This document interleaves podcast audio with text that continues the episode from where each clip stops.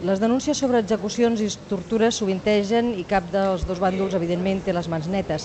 Són crims de guerra, encara que en el cas del Consell Nacional Transitori asseguren que han pres mesures per evitar abusos. En qualsevol cas, això no és cap garantia per gent com la Mindy Ayer, un senegalès que viu i que treballa a Trípoli des de fa 4 anys.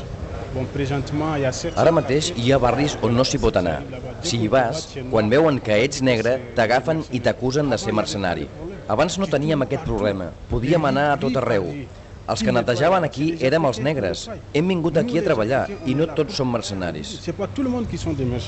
El color de la pell és un factor de risc afegit, però no és l'única amenaça. Ara mateix a Trípoli, on les temperatures s'enfilen cap als 40 graus, no hi ha aigua potable pels seus habitants.